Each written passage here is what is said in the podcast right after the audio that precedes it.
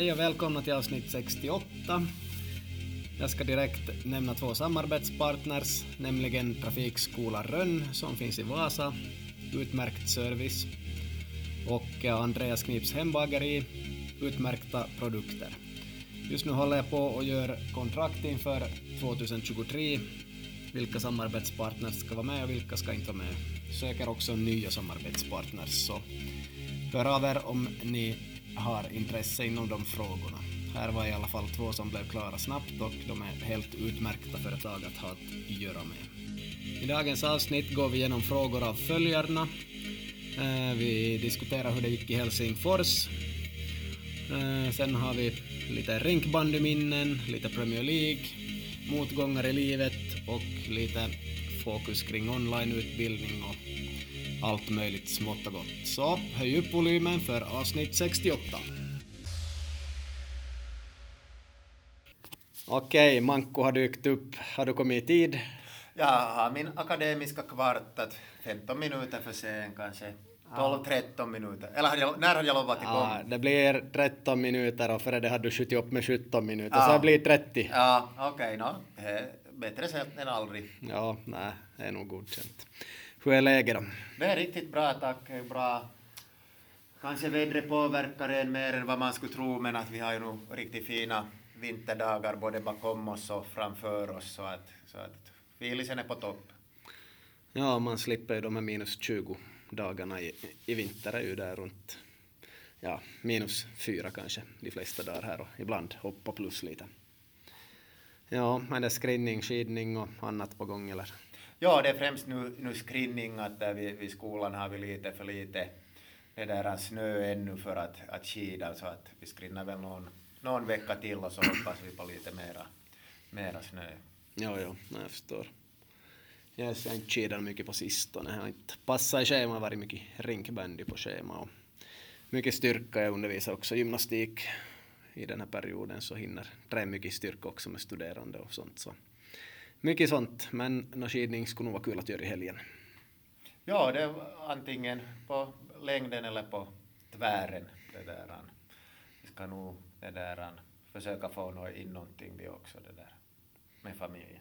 Ja, på tvären menar du slalom då eller? Ja, inte vet jag vad jag menar. ja, ja, okej. Okay. Yes, över en månad sedan vi spelade in förra avsnittet. Vi får ju se om vi ökar på takten här senare, men inte för tillfället. Nej, det, det är så där så, så ofta det, det nu går som vi spelar in. Så är det. Jag kan berätta om några motgångar här ännu i inledningen. Folk tror ju att allt bara går bra alltid om man uppdaterar lite vad man håller på med och sånt. Men att, uh, till att börja med håller jag på att reda ut en parkeringsbot jag fick i Umeå i juli. Ser ut som jag förlorar fallet här nu till slut. Aj, aj, dit får 45 euro. Uh, i Sverige får man ibland inte parkera nära stränder och sånt ens utan att, utan att äh, lägga i pengar och till och med i Umeå som är en sån här stad som nog inte är som Stockholm så det är överbefolkad och så vidare. Så ganska knepigt. No, det, det här tycker jag nog inte du kan räkna som en, en motgång. Nu finns det värre, men har du några flera motgångar? Ja, ja, det har jag. Men tänk dig att du är en strand någonstans i Österbotten skulle parkera bilen och du skulle behöva lägga i pengar i en maskin är nog ganska ja, långsökt. Ja, ja, ja. Och Umeå är ju på andra sidan vattenpotten. Äh, min andra motgång, när jag var ganska slutkörd i Helsingfors där jag skulle åka tåg hemåt, två tåg dessutom, så gissa om jag glömde min, min resväska på hyllan i första tåget. Ja, okej. Okay. Ja. ja. Och äh, jag ringde till VR och de har någon sån där tjänst som heter Löjtetavarat. Som, om man kollar på Trustpilot och sånt på nätet så, eller vad sämsta företaget och bolaget som finns i hela Finland. Uh, att fylla i ansökan kostar 5 euro, de har sänkt priset till 5 euro. Att ringa dit kostar 2 euro i minuten. Så nu har jag väntat ungefär nio vardagar. Jag ska ringa dit imorgon och se, se om det har hänt någonting. Men ibland att få tillbaka sina grejer kan kosta mellan 30 och 200 euro, sådana helt sjuka avgifter, så är ganska spännande där. Men så jättemycket andra motgångar har jag väl inte haft, men i alla fall några. Ja, okej, okay, yes. no, det var inte just med tåget, så jag hade en, en bekant just en gång som just somna, somna på tåget och vakna upp i någon sån där depå sen så att det var ju inte No, det var ju inte lika ekonomiskt kännbart som det kan bli för dig förstås, men det här med tåg, tågen är, kan nog vara intressant. Ja, nej, för övrigt är nog tåg bra, men ja, jag tror Finnair har också den där tjänsten och flera andra, men den var nog rejält sågad på nätet, så det ska bli spännande då jag ringer dit imorgon och ser vad som händer. Det var nog materiella grejer för kanske en 300 euro eller något som fanns i väskan, men ingenting superviktigt kanske på det viset. Nej, nej no, nu vill man ju ändå ha, men att till fundera då att hur mycket är det värt att få tillbaks det, om det är mm. sådana priser det rör sig om. Ja, får se då. Intressant blir det. Ja, vi kör ett par frågor här i alla fall från följarna. Har nog inte kommit in så hemskt mycket och bra den här gången, men vi tar nog några. Nå, är Messi den bästa fotbollsspelaren?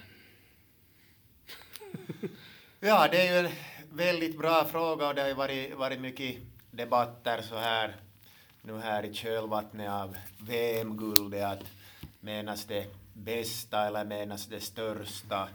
Eller hur, hur man riktigt vill definiera det så att eller menar man bästa för tillfället eller den som har haft den högsta toppen och så vidare? Så, så jag tycker att det är ganska, ganska svårt att, att ge ett, ett sådär absolut svar på den frågan men Många har ju nämnt honom som bäst genom tiderna här på sistone. Ja, ja. Men vad tycker du? Ja... Nå, kan säga att no, han är nog där. Jag, jag säger inte varken bu eller bär, du får, får ta det här. Ja, och säg no. det vet jag heller. En evig diskussion och eviga frågor. Så. Tveksamt, tveksamt. Har nog svårt att jämföra honom med Pelé och Maradona och ännu Ronaldo tycker jag nog har varit superbra genom åren så jag vet inte. Jag säger inte Messi ännu men det kan nog bli att jag om några år ser tillbaka och säger att no, nu, han är nog det största som har funnits men att ja, jag medger inte den i alla fall. Yes, och så har vi ju Thierry Henry. Ja, är där på en topp 20. Ja. Sen en fråga, jag antar att den här personen inte har följt oss så jättelänge. För vi har nog debatterat allt möjligt genom åren här, men vad är det största du har uppnått i fotbollen? inte så kul att svara på heller, men att äh, om vi nu drar någonting från spelarkarriären då så äh, för min del kanske att äh, lyckas bra i division 2 och få upp och träna till division 1 med VPS i två månader. Det var nog kanske det största, det roligaste som hände. Sen och lite provspel utomlands och sådär, men att det finns nog ingenting som slår det där. Och som tränare har jag väl allting framför mig hoppas jag, men att, att vinna division 4 obesegrade och en del framgångar med juniorer och sådär. Men att det bästa är kanske om man har utvecklat spelare nog på juniorsidan hittills, men att det mesta ska komma hoppas jag där ännu. Orkar du dra några Ja, jag, jag minns inte vad jag har sagt tidigare, så, så, men just nu när, när frågan kom så, så är nog min största som jag har uppnått det att, att vara med och stiga till division 1 och, och vara också med på planen då det hände. Så att det, det där är, är nog det största i min karriär och min eh, tränarkarriär är inte så, så lång ännu så att jag, jag det där, det vardagliga arbete och se det där hur lagarna går framåt så är nog det där det största hittills. Ja. Äh, bara att lyssna på gamla avsnitt så har vi nog diskuterat tusen saker genom, genom de 67 andra avsnitten. Nåja, äh, sista frågan har också en följdfråga. Hur orkar ni med alla tusen saker ni får gjorda på en vecka? Har ni bra och dåliga dagar? Nå, där antar jag att de ser på mycket uppdaterar och sånt. Så äh, för min del så, jag gör inte tusen saker men en hel del nu. Och det är tack vare min vilja att göra de här sakerna, jag tycker om att göra dem men för att orka göra dem så precis som ett lejon på savannen så man, man ligger och slappar och kör lite powernaps och tar det jättelugnt och man tar det lugnt och sen presterar man och gör saker. Lite som människor borde göra, man ska inte kör på diesel hela dagen, att man är lite igång hela tiden och så går man och sover sen. tycker bättre om att prestera, prestera, prestera, så tar man det rejält lugnt och så presterar man igen. Och samma sak med hela veckorna och hela året för min del. Och såklart har jag också dåliga dagar och då skjuter jag fram saker till morgondagen eller till, till silvermorgon. Sovit Sover dåligt och sånt kan påverka mycket ibland men att oftast är jag nog helt på G fast jag ska sova fem och en halv timme som i natt en del av vardagen. Hur har du det med de här frågorna? No, jag tror faktiskt, för det första så tror jag att, att kanske den här frågan nu är mera ställd sådär hövligt till dig. att det är bara, hur får ni? Att de tilltalar dig som ni. För att jag, lite så, som, som jag vet inte om jag berättade det här vid McDonalds. Nej. Då jag, då jag köpte tio osthamburgare för 3,90 och då mark och de frågade äter ni här?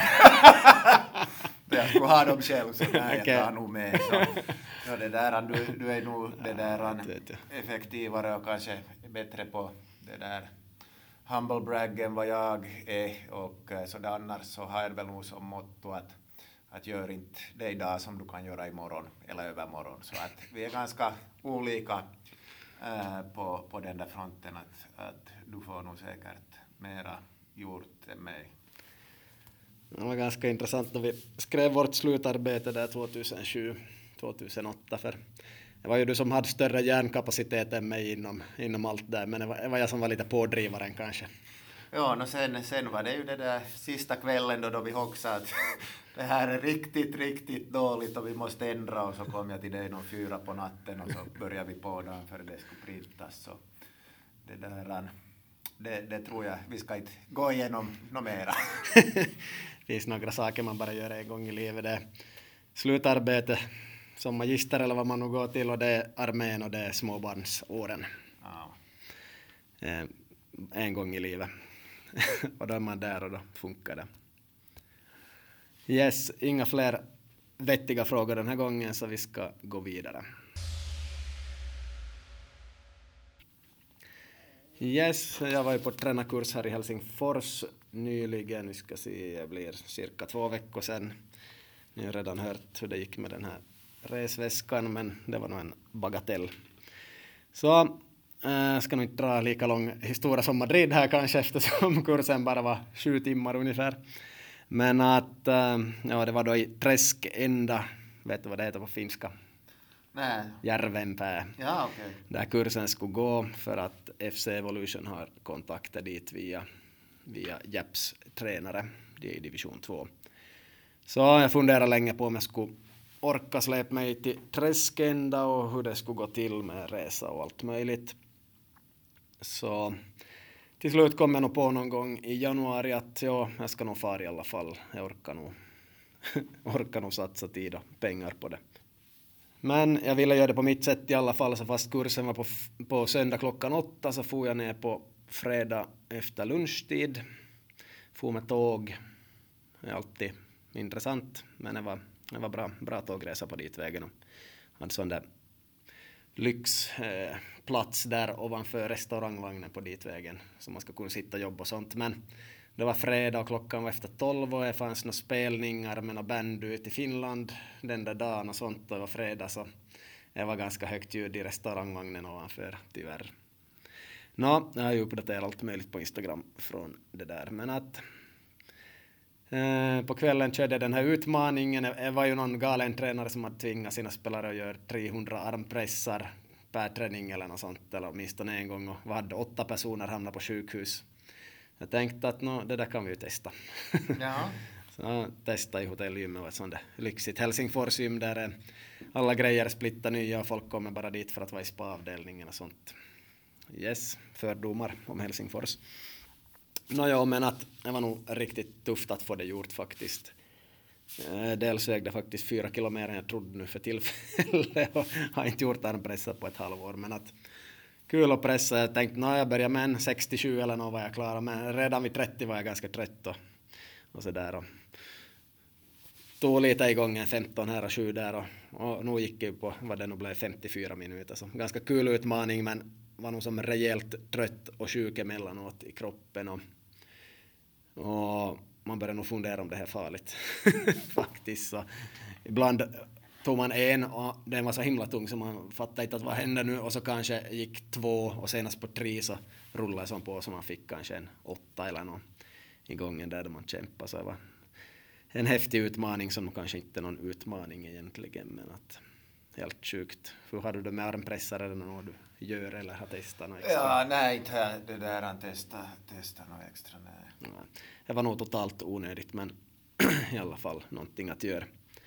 Så ganska sjuk i armarna dagen efter och, och sådär och bara stå och swimmingpool och allt möjligt som man kan göra på hotellet, kul och satt och studera mycket och mycket fotis och 10 kilometers länk i Helsingfors dagen efter. Jag har inte så bra koll på den där stan men nu har jag väl fått det och länka, äh, länka runt äh, Borgbacken och Olympiastadion och allt möjligt där inne och kolla in en fotbollshall och utanför där de spelar på konstgräs utomhus på flera planer. Och sånt gick och insöp den här Helsingfors-stämningen i fotisen lite där. Allt möjligt sånt. Så helt fint och tillbaks till hotellet och studera och ta det lugnt och hålla mig i skick där. Så där. Men 10 kilometer ändå hade jag inte sprungit på jättelänge så jag var rejält uttröttad av det också till söndag. Så inte nog så jättemycket att berätta från fredag och lördag men jag var väl förberedd. då. upp tidigt, mitt tåg gick klockan 7.10. Så upp i tid och iväg med tåget mot Träsken. Då, då jag kom dit visste jag att jag har Uh, vad var det, 20 minuter tills lektion börjar på ett... Ja, det var lite tajt. Ja. ja. tills lektion börjar på ett universitet som är, eller gymnasium med det, som var 1,1 kilometer bort och då hade två väskor så jag joggade faktiskt för säkerhets skull det mesta. 700 meter i alla fall, så lite sådär småsvettig, det var inte så kul. Och kom dit kanske sju före och han bra upp, upp dit till gymnasiet och få min plats och allting. Och sen fanns det folk som tog det ganska lugnt där och en kom till och med en minut över åtta och Ferhajen blev inte ens arg. Så där var jag lite chockad. Tänkte att det här blir en slappas här nu jämfört med de tuffa kurserna. Nå, han noterade och kursen drog igång och det var äh, intensivt och bra som vanligt och jätte, jättemycket bra grejer men kan du gissa när första personen blev utslängd från kursen? Med sju timmars kurs. Uh, no, kan det ha varit efter uh, 6.59? Nej, en timme 39 minuter. Ah. Före pausen. Ja, man måste föra anteckningar och vi är överens om det att vi, vi är 100 procent och vi är där. Inte vill vi att våra spelare ger 80 procent heller. Och det var en person som säkert 45 år eller något, eller äldre och påstod att personen bakom honom förde anteckningar åt honom. Men det är ju inte anteckningar av det som står på tavlan man ska göra utan reflektioner av de anteckningarna. Så, så då var det bara handen fram, good luck. Frågan får jag inte komma tillbaks? Nej. Inte senare idag heller? Nej. Och så var han ut. Men han hade ju gjort det med flit. Vi hade mycket bra diskussioner där. Folk fick använda sina datorer och till och med telefoner för att föra anteckningar. För man kan komma till sådana skeden att man klarar av att föra anteckningar på telefoner och få göra det. Men om någon missbrukar sånt här så tas det bort direkt och, och sånt. Det eh, kom ju upp tusen intressanta saker den där dagen så kan plocka fram dem om en stund om vi hinner här och ta lite anteckningar från det som en egen punkt. Men att så det är stora drag så en helt imponerande kurs som vanligt och Eh, just det med Ferhajen att fast man har läst de sakerna i hans bok eller sånt mycket och då han förklarar dem är det på en annan nivå som man förstår det och äh, han bevisar allting som han säger. Klart man inte hinner bevisa allting på en dag men alla större grejer är som låt mig bevisa det här så det finns som inga frågetecken kvar sen och kanske 10 av 43 hade inte varit före på en sån här kurs heller så är det som ganska bra om man bevisar någonting eller vad tycker du?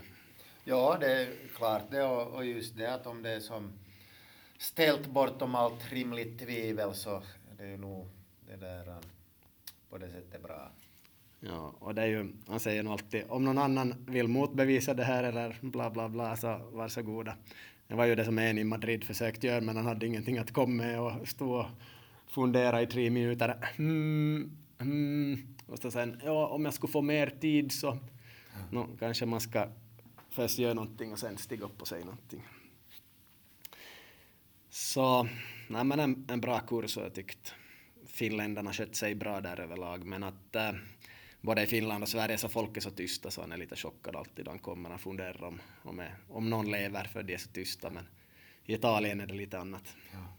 Hur, får man fråga hur, vad, vad gick det på ungefär deltagaravgiften? Mm, 159 euro. Ja okej, okay, så det är inte som ändå så på det sättet jätte, jättedyrt då? Nej, inte där, men om, om jag vill fara till Holland eller till Kroatien dit jag är inbjuden i sommar så då snackar vi nog över 2000 per läge så ja. det är annat. Plus flyg. Ja. Plus eget boende för din etta som blir extra så är nog stora summor. Men ja, just nu far han runt i Polen, Finland och flera ställen i USA just nu. Men det är samma så är såklart intressant men det är bara en dags så riktigt bra. Sen körde han lite över tid så jag missade mitt tåg som skulle gå 20 över 3 så måste jag vänta en timme och sen hem en timme senare. Så då, då, då, tog jag ett foto med honom för första gången så sa jag att jag måste visa att min fru orsaken till varför jag inte hann med det här tåget. Ja. Så då skrattade han bara. Men han sa att jag kommer alltid ett nästa tåg så sa jag, ja det stämmer nog. I pausen pratade jag en del med honom då vi hade matpaus och sånt. Det är nog ingenting jag rekommenderar men jag vet att jag är på den nivån sedan Madrid att jag nog vågar säga någonting, jag vet hur jag ska formulera mig. Så jag berättar lite insikter från finsk fotboll och vad som sker och att jag har gått igenom vissa utbildningsmaterial här i landet och, och sånt och berättar vad jag är för nivå. Inte är det någon som förvånar honom precis och så att jag är lite frustrerad över saker, hur de är och så här. Så funderade en stund och så sa han att det är helt onödigt att vara frustrerad för att de sakerna är som de är och de kommer aldrig att bli bättre.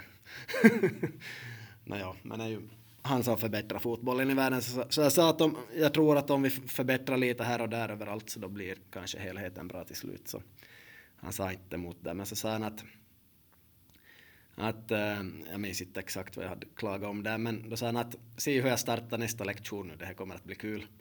Tänkte tänk man okej, okay. kör lite sådana psykgrejer som vanligt, är mycket med hjärnan och sånt. Så körde vi igång nästa lektion så, så började han berätta att hans flyg var ändrat från, ja vad det nu var, ändrat två timmar bakåt så han måste fara klockan ett istället för tre. Och vi som har varit med länge vet ju att det där stämmer inte, han är ju världens mest seriösa människa. Började berätta om det och har ni något emot det och som vanligt finländare sitter bara tysta och nickar. Okej, okay, vi slutar två timmar ja. tidigare idag. no, det skulle man ju aldrig gå med på själv, men man visste att det var ett skämt. Så, så berättade han då småningom att det var en tränare som hade sagt att han skulle få klockan ett för att han har match han måste på idag.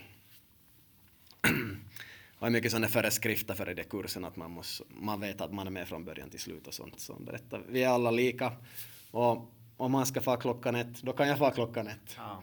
Frågan hur många här trodde på att det flyget går tidigare ja. så var det tre händer upp bara nog, men ja. säkert trodde hälften på det. Ja. Så lite sån där psykgrejer. Är ganska kul att se hur folk reagerar och sånt. Det är mycket sånt som, som vi tar in från de kurserna. Men att no, ja, vi kör nog till 20 över 3 nästa. Så sånt då, det här innehållet kan vi nog gå in mer på här sen om vi hinner så tar vi som en egen punkt idag. Men att, det, har du några sådär frågor annars? Det var ju... Nej, det är nog det här innehållet som mm. jag det där är intresserad av så att du kan lägga in en stinger så, ja. så förberett något. Okej, okay, vi ska ge, ge innehållet en chans här. Vi sammanfattar sju timmar på tre minuter. Nej, men vi kan kolla någonting. Um, några bra frågor och man, bara att kom till Norrvalla festa i fjärde så coachar jag er i alla de här sakerna. Men... Är det något skämt? Nej. Första, för, första april? Ja, första april, ja. Nej, då, är, då, är, då håller jag tränarkurs på. Ja. Öppet fall. Uh, sådana frågor i början att uh, kan en spelare förbättra sig själv? Kan en tränare förbättra en spelare? Och så vidare och så vidare och så vidare. Om du förstår dig på fotboll och bollsporter så vet du nog svaret småningom att spelare kan förbättra varandra.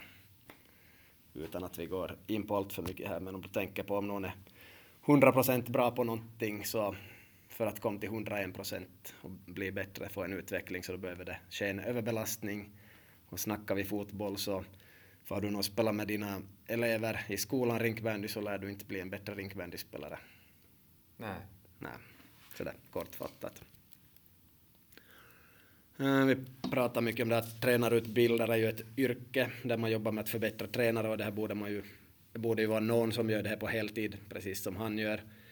Det är ju, eh, i, I många länder är det ju så att de funderar, ja vem ska dra den här FAB-kursen? Om vi tar England som exempel. Ja, där i Stoke, vem ska vi ta? Ja, men den här Gary, han är ju en trevlig person och han behöver ju inte resa om han drar den, så vi tar honom som tränar något division 2-lag i Stoke eller något, och samma i hela världen förstås. Så, så vi tar den, och han får dra den här kursen. Så det är alltid som lite halv oseriöst. Medan om man ska ha tränarutbildare som bara jobbar med det så blir det ju en helt annan sak. Och vissa tror att en trevlig tränarutbildare är bra, men det är ju två olika saker att vara bra och att vara trevlig. Så vill man ha bekvämt kan man gå till de här hobbytränarutbildarna och det är ju, det är ju nog mycket så det, det är i alla länder att en person som gör det på sidan om någonting annat. Och en tränarutbildare ska kunna överbelasta ens tänkande. Det är ju deras jobb, så det ska inte vara så bekvämt. Det är inte heller så hemskt bekvämt att spela tre mot tre tempospel i två minuter och gånger fem matcher. Det är inte så att man efter det går och säger ja, det var en skön träning idag och vi har nog haft roligt här idag. Okej, kul om du lyckades bra, gjort fem mål eller något, men det är inte som att ja, det var nog, det var en skön träning idag. Det. det är ju sa, samma sak på en tränarkurs, att det ska ju som bli jobbigt är ju först då som du utvecklas. Så finns det tränare som går tränarkurser bara för att konstatera att allt de gör rätt redan i klubben, så det, det antecknar de, de plockar ut, jo, jo, det här och det här och det här. Ja, men bra, bra. Ja, vi konstaterar här på kursen i helgen att ja, vi gör nog rätt saker, men då de kanske skippar 70 procent och antecknar de 30 procent som de redan gjort. Så mycket sånt. Ja, mycket diskussioner kring vad taktik är för någonting. Att, äh, man måste egentligen in på hjärnan att man ska ju inte ha otur då man tänker kan man, kan man säga. Men att ju, ju, mer du kan om någonting så desto bättre tankar får du ju upp kring det Men eh, Om man inte kan om konst och går in på ett museum så kommer det kanske inte så mycket tankar om de där tavlorna och det är kanske inte så intressant. Medan om du har en massa fotbollsutbildning så då blir det intressant att se på fotboll och eh, om vi ser på spelare så egentligen kan man inte ropa till plan vad de ska göra. Okej, man kan kanske ropa att målvakten ska skjuta långt, så gör den det, men att överlag i situationer är ju på en bråkdel sekund spelaren avgör vad den ska göra, så vi styr ju inte spelarna på det viset, utan vi kan dra taktik åt dem och taktiken gör att det finns en större chans att de gör ett vettigt beslut enligt lagets taktik och lagets mål och intentioner så att säga. Hänger du med? Eh, I vilka åldrar menar du? Nå, i alla åldrar. Taktik. Du menar att du sätter en femåring och så springer de åt fel håll och så får inte man ropa att hej andra hållet. det, ja, ja, det får du nog göra. Ja, ja men, nej, det var det jag menade, att jag, det är ganska sådär coachande det, det där. Ja, nu får, man, nu får man ropa prat, men att äh, då, någon, då någon har bollen till exempel, no, klart det går långsamt för en sexåring, är ingen press på den fem-sexåring, men att om de blir pressade så inte kommer det du ropar att hinna påverka dem så mycket så att de skulle ta det beslutet kanske heller. Enligt de källor som du har. ja, men att det är ju extremt att dra till en sexåring. Vi vet inte hur hårt det går, men att ta något 14-åringslag, eh, mitt mittfältare får bollen. Det spelar ingen roll vad du ropar som tränare, den kommer aldrig till hin. Gör exakt det som du ropar och få den inputen och tänk de tankarna, eller den tanken och få det in i något filter och gör beslut enligt det. Det, det som de tänker själv. Det är ju därför du tränar taktik enligt lagets mål och intentioner på träning. Så ju mer taktik du lär ut, desto större chans att den tar beslut som hör till lagets mål och intentioner. Ja, klart det, men inte kanske i det där fyra, femåringar. Eh, man får nog coacha spelarna, det, det är inte det jag säger. Ja, nej, det var bara det som var just eftersom ja, jag det där. Ja. Men just det men där med 14 håller Coacha dem mer på träningen på match är ja. väl mitt tips då, kring dem. Men att, ja. Så jag tror budskapet gick hem här och eh, vi redde ut många olika ord och allt möjligt. Jag kan ju inte dra allt vi har pratat om här hela tiden, men några bra saker som jag har lagt in någonstans. är bara att jag har två dokument här för jag måste sortera lite. Så. Uh, jag vet inte om du har sett mina inlägg idag men jag, eh, jag dök upp perfekt igår någonting där vi, det där Sikla. Han du se det?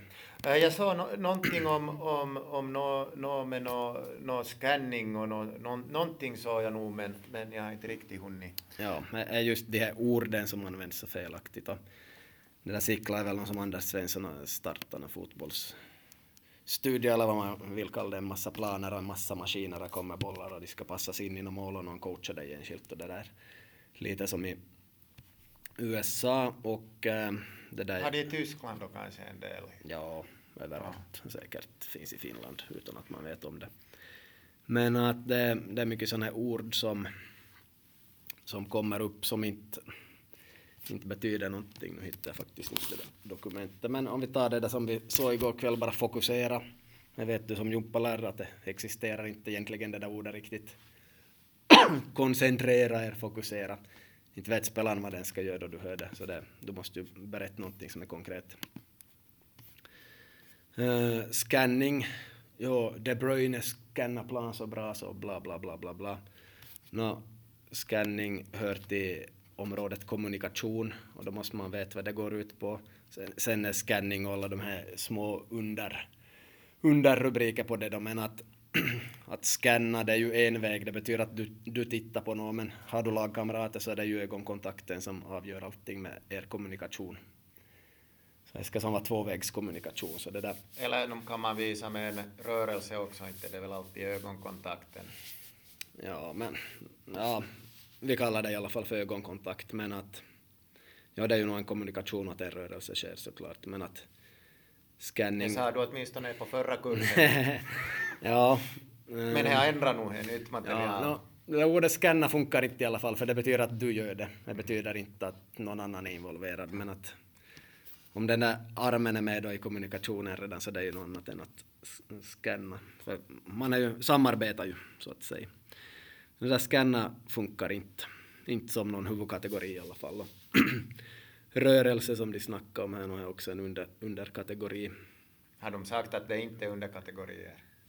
Eh, rörelse, nej, rörelse It's a part of a part of a part. Jo, ja, men det var det jag menade, att ja. har de som sätter upp det här, har de hävdat att det här är riktiga kategorier? Nah, uh, nej, inte, inte exakt, att, men de, så, de, de visar, ja, de, de, upp sina ord, vad man får av ja, deras ja, och sånt. Ja. No, du får rörelsen, ja. och vad är, vad är rörelse? Det, det, är ingenting. ingenting att betala för. Positionering, no, ja, position, det är, ju, det är ju en huvudkategori och det, det är ju bra inom fotboll och det kan analyseras men man positionerar sig, eh, det finns två mål bakom dig och en kompis som passar åt dig och så ska du skjuta in i ett mål så det, vad är det för positionering? Du har inga motståndare överhuvudtaget och du har inga riktiga medspelare där uppe så kul att fara och lek dit säkert men att det är ju inte den riktiga fotbollen. Så mycket sådana ord har vi gått in på hit och dit och Rondo har vi sågat sönder så hårt vi bara kan, men jag hoppas att folk fortsätter med Rondo så mycket som möjligt här. För jag kommer att gå ut och göra saker och ting småningom för att förändra fotbollen. Så. Lycka till på Kungligas första träning nu på måndag. ja, ja. Kör Rondo ni bara. Så mycket allt möjligt sånt. Mm, från himmel till jord, jag kan nog se om vi plockar någonting ännu ur powerpointen. perception som inte finländare vet någonting om. I trafiken kanske vi vet vad det är, men inom fotbollen inte. Um, allt möjligt eh, uh, kring anfallsspel. Vart, ska, vart vill man ha bollen? Och man vill ju ha den i mål på andra sidan. Annars till lagkamraten högst upp, näst högst upp, tredje högst upp. Allt sånt. Och, vad, vad menar du att, var menar du att de här infon inte har funnits tidigare? Eh, perception. Nej, det där med de här anfallsytorna. Nej, det, det sa jag inte att det inte finns. Nej, okay. ja, jag bara sa att de, vi tog upp dem. Okej. Okay. Yes. mm, sen mycket sådana olika stimuli. En högerback kanske inte får in det där stimuli att passa åt äh, anfallaren högst upp därför att den inte klarar av att slå en så pass lång passning och då kommer den bara ta in stimuli för att passa kortare passningar till exempel om man inte kan passa 40 meter i luften över en ytterback så då, då kommer man inte att söka det där alternativet. Man kommer inte att få in det stimuli i sin hjärna och, sådana grejer så är ju väldigt intressant. Och ehm, ja, allt möjligt. Vad väljer vi från? Hur mycket finns det att välja från? Och du har 21 andra spelare på plan, och allt möjligt och undersökt allt möjligt från vardagen, hur många jordgubbssyltsorter det finns i en butik och hur folk köper beroende på hur många sorter det finns i en viss butik och allt möjligt sånt kring vad man väljer och sånt. Och är nog, är nog allt möjligt så det man vill se lite på hjärnan och sånt. Men att mycket taktik för övrigt och speciellt anfallstaktik och vi skulle också ha försvarstaktiken men den kommer faktiskt online sen så det blir, blir på ett nytt sätt. Vi fick inte hela kursen på kursdagen faktiskt. Ja, frågor på detta? Nej, no, det låter ju lite som, som, tror du att det är han som har kommit på det här med de här syltburkarna eller har han dammsugit olika där, psykologiska forskningar och teorier och, och sen satt in dem och försöka sälja dem som sina egna? uh, inte behöver man ju berätta alla källor, det skulle aldrig finns tid, men det spelar ingen roll vem som har gjort den här undersökningen, knappast han, men att det visar någonting, och andra olika undersökningar. Har du något mer härifrån du vill fråga? Nej, det är nog det där, låter, låter nog det där Uh, intressant och just många de här sakerna har ju nog kommit upp det där med de här anfallsytorna för det där 20 år sedan redan så. Ja, och mer konkreta kanske för 15, 10-15 år sedan. Ja. ja. Ja, det här är inte så lätt att ge massa från en kurs från anteckningar som jag inte har skrivit upp helt färdigt in i datorn men att det är ju på G nu kan jag ge någonting extra här ännu om du vill höra ännu. Det verkar ju som du är intresserad. No, jag är lite intresserad just av det här. Jag minns inte vad det hette just det här med val och, och, och sånt där. Att det, det ju, kom ju fram för 53 år sedan det här med choice overload så att det är ju inte någon ny grej på det sättet så att jag just det där att det undrar lite mera med hans det där att han, han plockar grejer från olika ställen och så tänker ni att oj vad smart han är att nu har han kommit på det här själv eller Nej, inte det är så. Det är ju, det är ju nog alltid källor. Vem har börjat göra de här tankesystemen? Uh, vad har Einstein gjort? Vad har Descartes eller någon annan filosof funderat för? Och hur får vi över det till nutiden och hur får vi in det i fotbollen? Och, och att få över det till fotbollen är ju alltid en helt annan sak. Och sen är han ju ganska modig att utmana också. Uh, ordet mental existerar ju egentligen inte som jag kanske har nämnt någon gång förr. Ja, en och en och någon gång, ja. Vem har vi som, var det Descartes eller någon filosof som har tagit det där från början att kropp och hjärna, att det är två olika saker och, och man räknar som att kroppen är en sak och hjärnan och tänkande är en annan. Så ungefär som om tankarna och hjärnan skulle vara utanför kroppen, men att allting är ju inne i kroppen och det har vi säkert diskuterat förr. Så, så i och med allt det här då man reder ut det så är ju det där ordet mental så fungerar inte ens och det, det gick Trejer med på då jag berättade att egentligen skulle inte det där ordet behöva finnas ens. Så han skulle bara vara coach?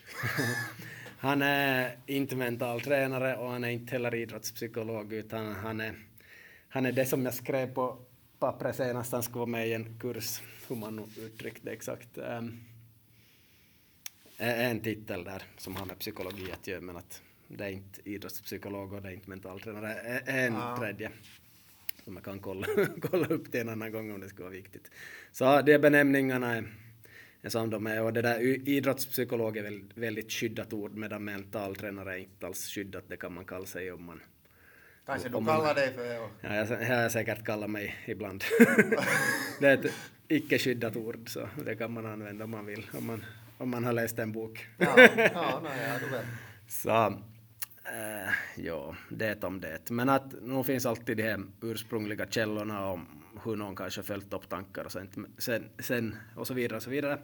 Men sen när det ska in i fotbollen att det är nog han som fixar den biten. Alltid så. Så det, det är bra. Och måste förstå alla stimuli som kommer in och varför väljer man ett visst stimuli. Och om du ser framför dig sju motståndare så ser du framför dig fyra egna spelare så kanske tre av dem är fria, så att säga du skulle kunna spela till tre av dem, så kommer du att välja en, så varför valde du just det stimuli?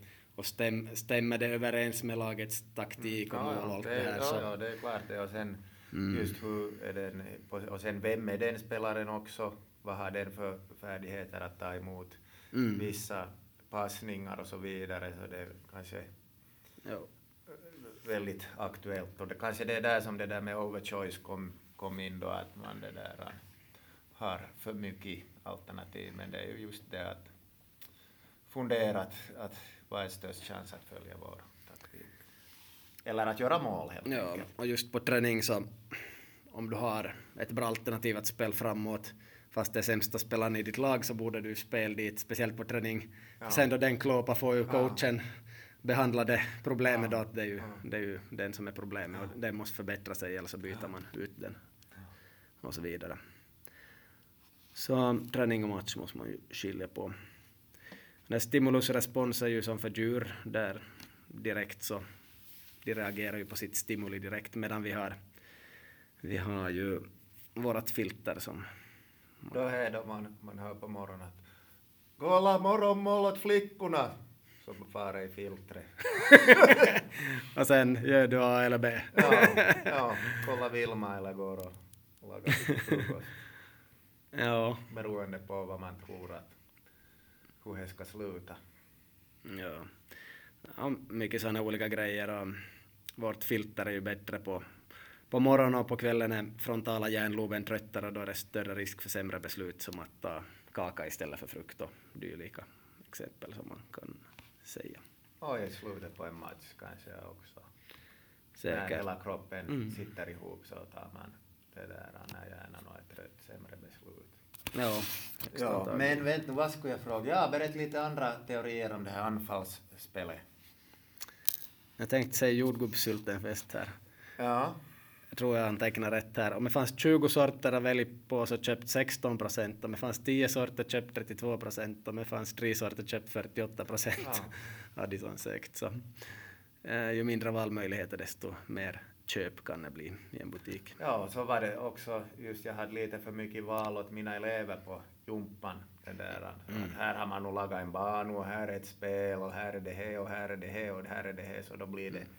ja. lätt det där choice overload och det är ju kanske samma sak som lite har kommit som nu, nu för tiden i litteraturen också tas upp istället för de här syltburkarna från 1970 just att om man har det där någon streamingtjänst som man ska se på så, och så vidare. Så. Mm.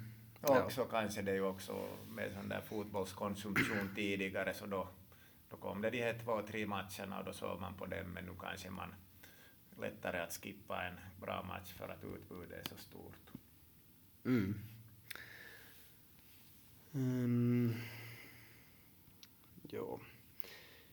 Det var någonting jag skulle säga men det glömde. Men i alla fall så kan man sammanfatta att tack vare kunskap, referenser och trovärdig information först kan vi förstå och ta till oss saker.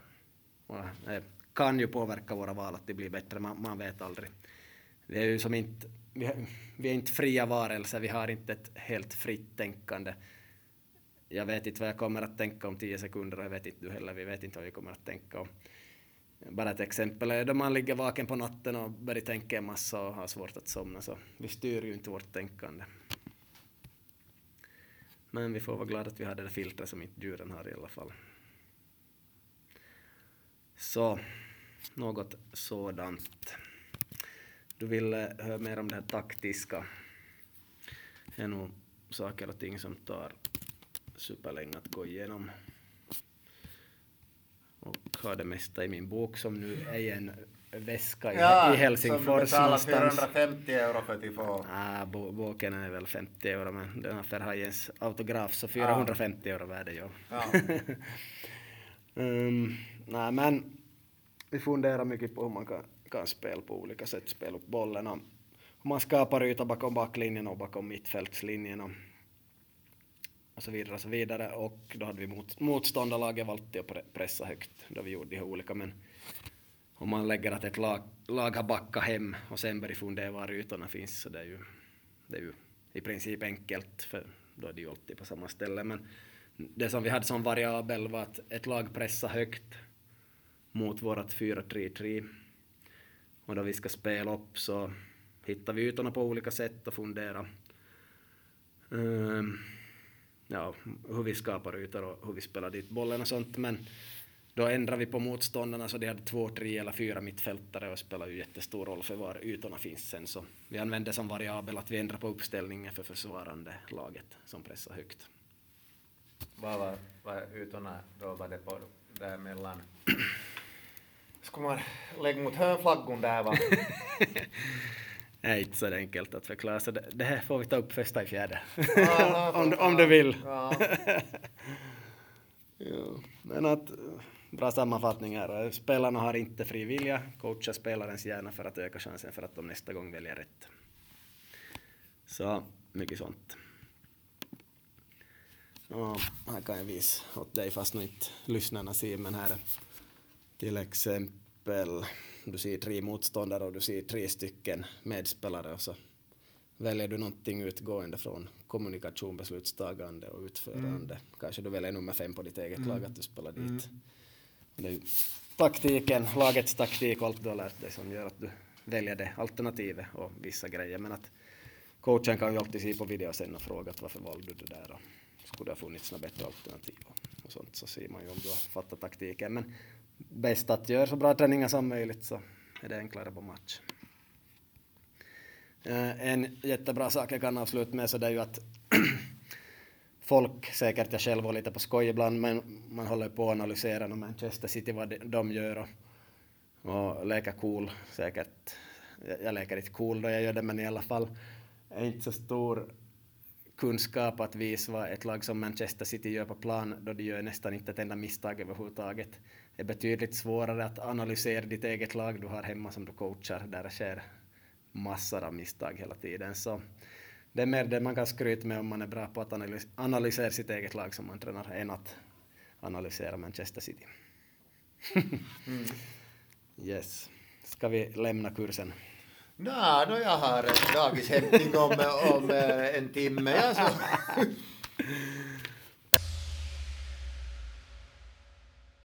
Yes, Manko har varit i god tid idag så vi, vi har ju inte något bråttom alls för min skull här. Nåja, eh, äh, rinkbandy kort, eh, jag har uppdaterat lite om det på sistone.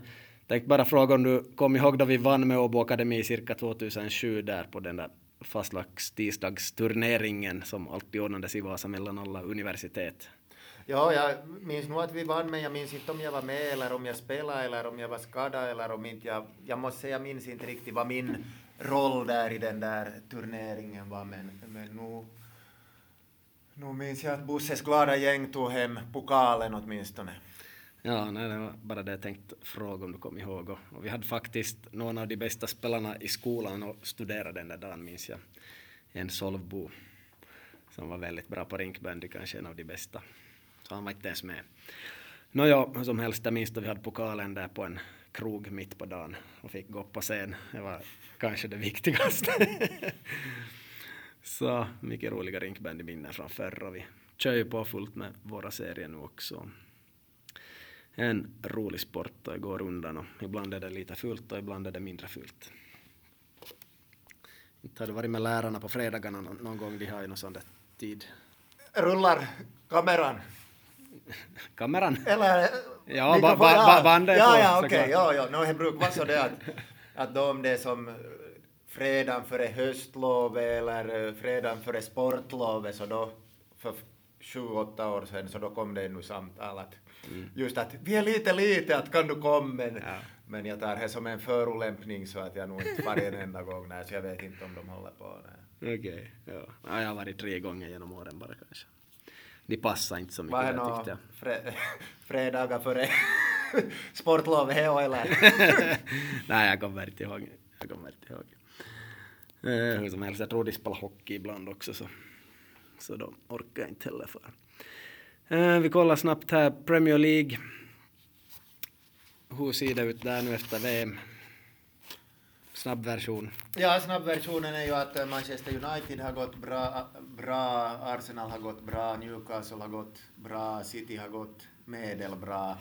Liverpool och Chelsea går ganska dåligt. Det var väl kanske sådär kort sammanfattning och viktiga segrar här, de här två, tre senaste för Arsenal och det är väl är det 15 februari som det är mot City som, som ju många målar upp då som en, en riktig seriefinal. Så viktigt här, speciellt kanske mot Manchester United att man vände och vann. Mm, absolut. Det ser bra ut för Arsenal och de har bra spel och, och speciellt att vinna mot de här alla andra lag och ta massa tre poängar är ju viktigt så, så det ska inte underskattas. Så ser bra ut för Arsenal där och Chelsea på tionde plats har ju värvat nästan tio spelare nu i transferfönstret så blir intressant att se dem inom ett, två år hur det går. Ja, ja, ja, det var ju roligt den här med Fernandes just då han gjorde fina gester mot klubbmärke då när det senast var på gång den här övergången för två veckor sedan och bara riktigt sådär att yes, jag fortsätter och sen ja. mitt i allt då så. Ja, ja, ja. Money talks. ja, jag läste om någon spelare som var typ någon 20 sekunder för sen för att komma till Barcelona så Fifa ska reda ut nu hur det var med deras transferfönster så känns lite löjligt att man ska ha sådär bråttom 31 ja. i första och att man inte kan göra övergångarna tre dagar tidigare eller någonting. Så sekunder hit och minuter dit och jag tror de skickar faxen nu faktiskt emellanåt och, och sånt då de gör sina övergångar. Åtminstone 2015 gjorde de det. Ja. Det verkar som att de skickar fax mellan klubbar ännu idag. Jag vet inte faktiskt allt om det där. Yes, avslutningsvis från min sida kan jag säga att det finns ju onlineutbildningar som man kan köpa av mig.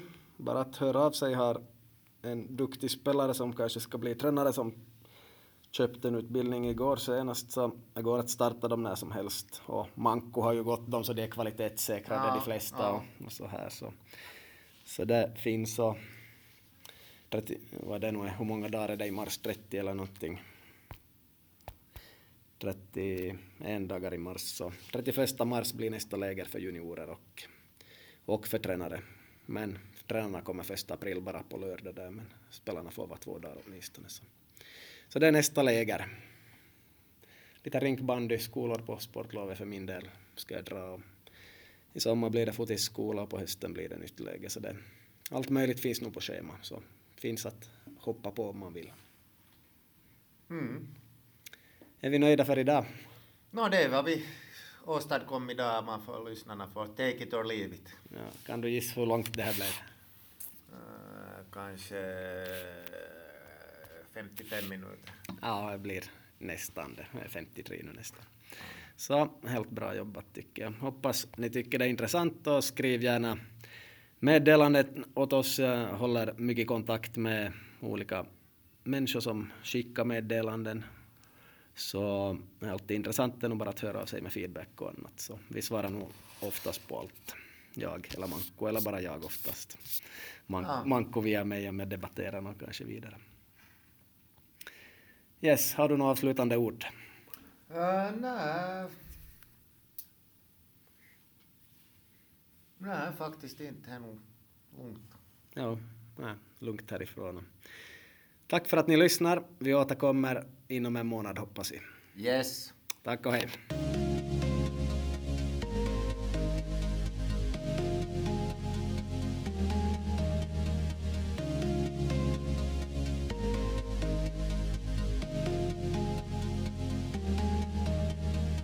Besök www.fotbollsfabriken.fi dagligen. Och besök gärna Instagramkontot fotbollsfabriken understreck FIN.